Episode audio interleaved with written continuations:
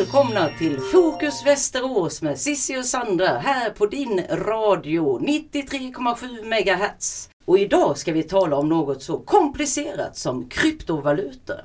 Och med oss här i studion har vi vår kryptovalutaexpert Magnus Johansson. Välkommen hit! Tack så mycket! Berätta för oss och våra eh, lyssnare, hur, vad är din bakgrund vad det gäller kryptovaluta?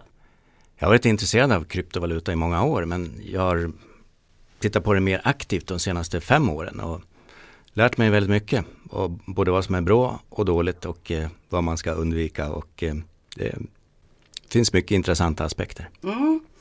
Och ja, ska vi säga, du är experten i detta ämne eh, och jag tror att det är många med mig och kanske även Cecilia ja, som eh, skulle behöva få en introduktion i vad är kryptovaluta? Ja, kryptovaluta är ju en intressant aspekt som dök upp 2008-2009 där kanske som en reaktion på finanskrisen och det var Bitcoin som först tittade på en fungerande lösning för det här. Och det är ju tio år sedan och eh, de är först och störst och eh, ja, det är en ganska spekulativ marknad idag skulle jag säga. Det finns massor med kryptovaluta där ute att välja på. Hur kommer det sig att det uppstod? Liksom? Var, var kom intresset ifrån? Ja, som sagt, kanske en reaktion på finansmarknaden. Att eh, Istället för att använda banken som mellanhand så behöver man inte en mellanhand när det gäller kryptovaluta. För att det, det är en krypterad förbindelse som går från person till person eller person till företag. Och eh, tanken var ju att det skulle gå snabbt och billigt att eh, skicka ett värde till vem som helst i världen. Det här låter ju ganska komplicerat och lite kryptiskt kan man säga. Går det att förklara lite mer hur de här transaktionerna går till utan att vi snöar in på för många tekniska detaljer som vi kanske inte förstår? Ja, det är ju så att var och en har en egen online wallet, som man är, en plånbok eh, på nätet mm -hmm. som du kan ha i mobilen eller på datorn och eh, den har en specifik adress och eh, någon annan kan skicka bitcoins eller annan valuta till den adressen beroende på vad du har för typ av kryptovaluta. Okej. Okay. Och vitsen med, med allt detta det är ju då att utbyta tjänster utan en mellanhand om jag har förstått det hela rätt. Ja. Finns det någon annan poäng med att hålla på med kryptovaluta? Ja, som sagt idag är det mycket av en spekulation i att värdet går upp men det är en väldigt volatil marknad, alltså det är en stor värdefluktuation. Så att, mm det är många faktorer som styr det, även rykten där ute och olika regeringars eh, syn på kryptovaluta, om de eh, skapar regleringar eller om eh, till exempel Kina förbjuder framställning av bitcoins, ja då kan värdet gå ner. Om någon bitcoinbörs blir rånad på kryptovaluta så går värdet ner och om det spekuleras i att eh, nu kommer EU att skapa regler för det här, ja då kan värdet drivas upp. Jag som är helt ny i det här ämnet, hur går det till då om jag skulle vilja skaffa det här? Ja, det finns ju en mängd sådana här kryptovalutabörser på marknaden där man kan som privatperson gå in och registrera ett konto och köpa sig kryptovaluta. Men det finns också mycket skojare på marknaden som, ja vi ser bland annat mycket Facebook annonser om bitcoin code och bitcoin hit och dit som rider på en hype men oftast lurar folk. Finns det några knep som man kan ta till för att veta vilka som är seriösa och vilka som då är kanske lurendrejerier? Ja, jag tycker inte någon ska sätta pengar till något utländskt bolag eh, som ringer till dig och eh, påstår sig vilja hjälpa dig att tjäna pengar. Utan du ska nog agera själv och leta på någon välkänd kryptovalutabörs om du är intresserad av att skaffa dig lite kryptovaluta själv. Men man ska nog också tänka på att eh, det är en risk involverad. Man ska inte riskera mer pengar än man är beredd att förlora i praktiken. Men det är väl ganska likt eh, den så att säga vanliga aktiemarknaden att man ska inte, eller om man går på ett kasino eller på något annat, man ska inte göra av med pengar man inte har. Det är väl Nej, en grundregel, eller? Det kan man säga. Mm. Det här är ju ofantligt intressant och spännande. Men vi ska ta och bryta lite. Nu ska vi lyssna på ABBA och Money Money.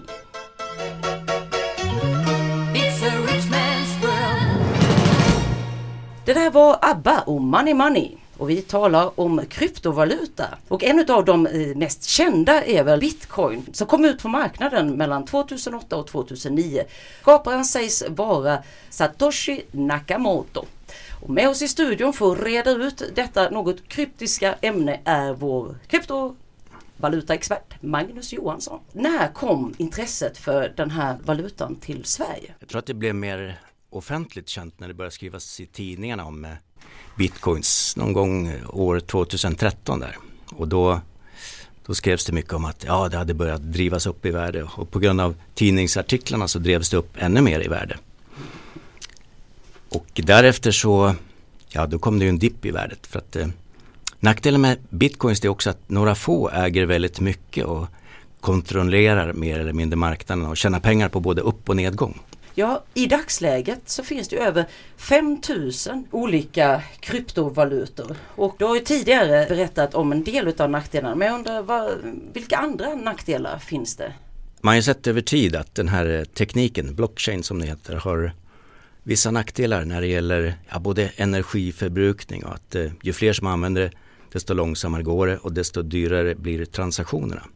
Man jobbar idag på lösningar på det här men de lösningarna drar i praktiken ännu mer energi också. Vad är det som drar energi? Är det datorerna som räknar ut de här sekvenserna eller vad är det som? Ja precis, det är vad man kallar för mining och det är egentligen datorer som räknar ut lösningar på algoritmen som utgör kryptovalutan i sig. Till exempel bitcoin som har 21 miljoner möjliga lösningar på sin algoritm.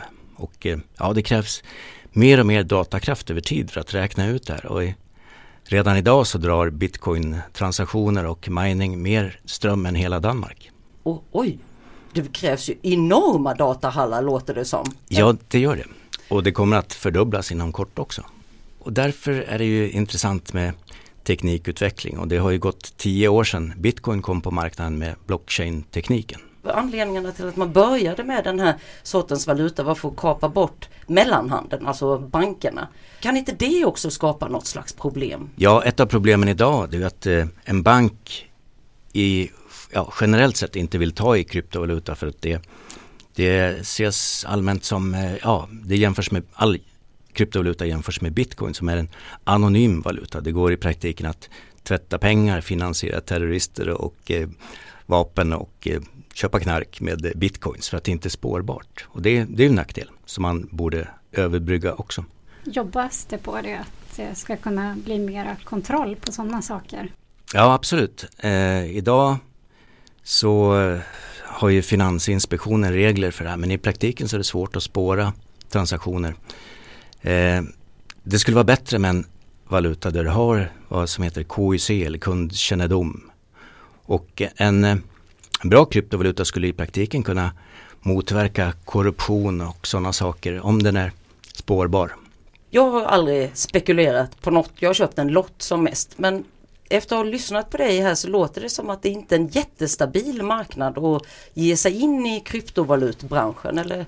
Nej, absolut inte. Eh, själv eh, satsar jag på teknik som löser de här problemen. Men om man i allmänhet ska gå in och köpa någon kryptovaluta, ja, det, det är en spekulation helt enkelt. Eh, det, det kan gå upp eller ner 20% på en dag. Man kan ha tur, man kan ha otur. Det, det gäller att som sagt inte satsa mer pengar än man har råd att förlora. Men visst, det finns en stor möjlighet. Jag ser ju bitcoin mer som en digital värdelagring idag än en fungerande dags eller vardagsvaluta. Mm. Och det är egentligen det här med vardagsvaluta som skulle vara intressant för framtiden.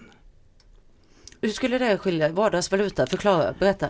Ja, i och med att en, en bitcoin-transaktion idag tar väldigt lång tid. Även om man skulle snabba upp den så kommer det ta flera minuter. Och eh, när det står i kassan och ska betalas så vill du inte vänta mer än några sekunder. Och där kommer det här med skalbarhet in också, att kunna hantera miljoner eller varför inte miljarder användare. Hur fungerar det då? Alltså om man nu då man har satsat på en specifik kryptovaluta och sen ska man handla med den och så råkar det vara, för det är ju en över hela jorden som då använder antingen då bitcoin eller dogcoin eller vilket coin det nu är. Och sen är det samtidigt som jag ska göra mitt inköp på min kaffe så är det 15 000 andra människor som är inne och gör. Hur påverkar sånt mitt köp? Är det då det tar flera minuter? Eller vad? Ja, bitcoins kan ta flera timmar idag. Med viss eh, eh teknik så kan man snabba upp det där men det räcker ändå inte till. Mm. För du, du vill kunna göra det på några sekunder. Och eh, till exempel Mastercard och Visa-kort har väldigt hög transaktionskapacitet idag jämfört med alla kryptovalutor förutom några moderna uppstickare skulle jag väl tillägga. Ja, för det är det man undrar, finns det verkligen inte någon som har kommit till bukt med det här problemet? Jo, det finns en intressant teknik där som heter DAG-chain som eh, faktiskt löser de här problemen både med hastighet och kostnad och eh, skalbarhet som i praktiken går snabbare för varje eh, användare som ansluter sig och då kan vara faktiskt snabbare än Mastercard och Visa-kort. Och det är egentligen där jag ser framtiden för kryptovaluta idag. Ah. Men det kommer att ta några år att etablera det oerhört spännande och intressant. Då lyssnar vi på 9 to 5 med Dolly Parton. Du lyssnar på 93,7 MHz och Fokus Västerås med Sissi och Sandra som idag lär oss mer om kryptovaluta tillsammans med Magnus Johansson. Och nu undrar ju jag, vi har pratat en hel del om fenomenet och hur man gör. Det är ju bara februari, men i maj då är det ju dags att deklarera. Vad säger skattekontoret om den här typen av kryptovalutor? Ja, vinst i kryptovaluta beskattas ju på samma sätt som en vinst i aktie. Det är mm, så här, kapitalvinst så det är någonstans bortåt 30 i skatt på vinsten.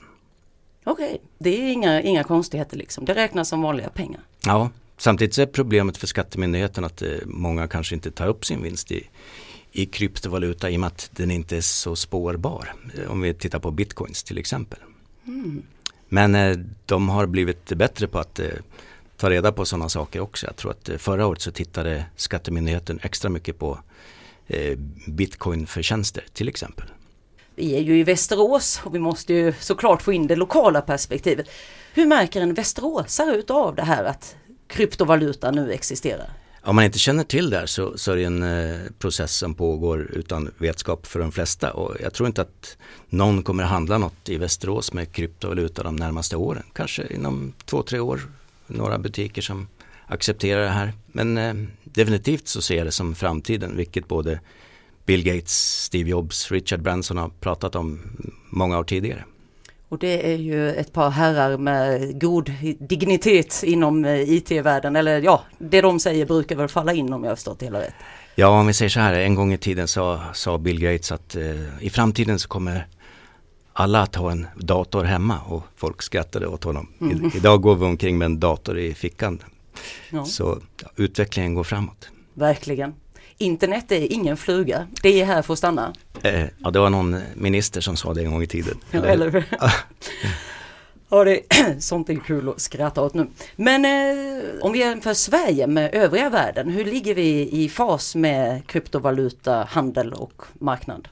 Ja, Sverige brukar ofta ligga långt fram när det gäller teknik, men eh, i Europa så skulle jag säga att Estland har kört om Sverige rent tekniskt sett med mycket high tech och även mycket kryptovalutakunskap och lösningar de senaste tio åren.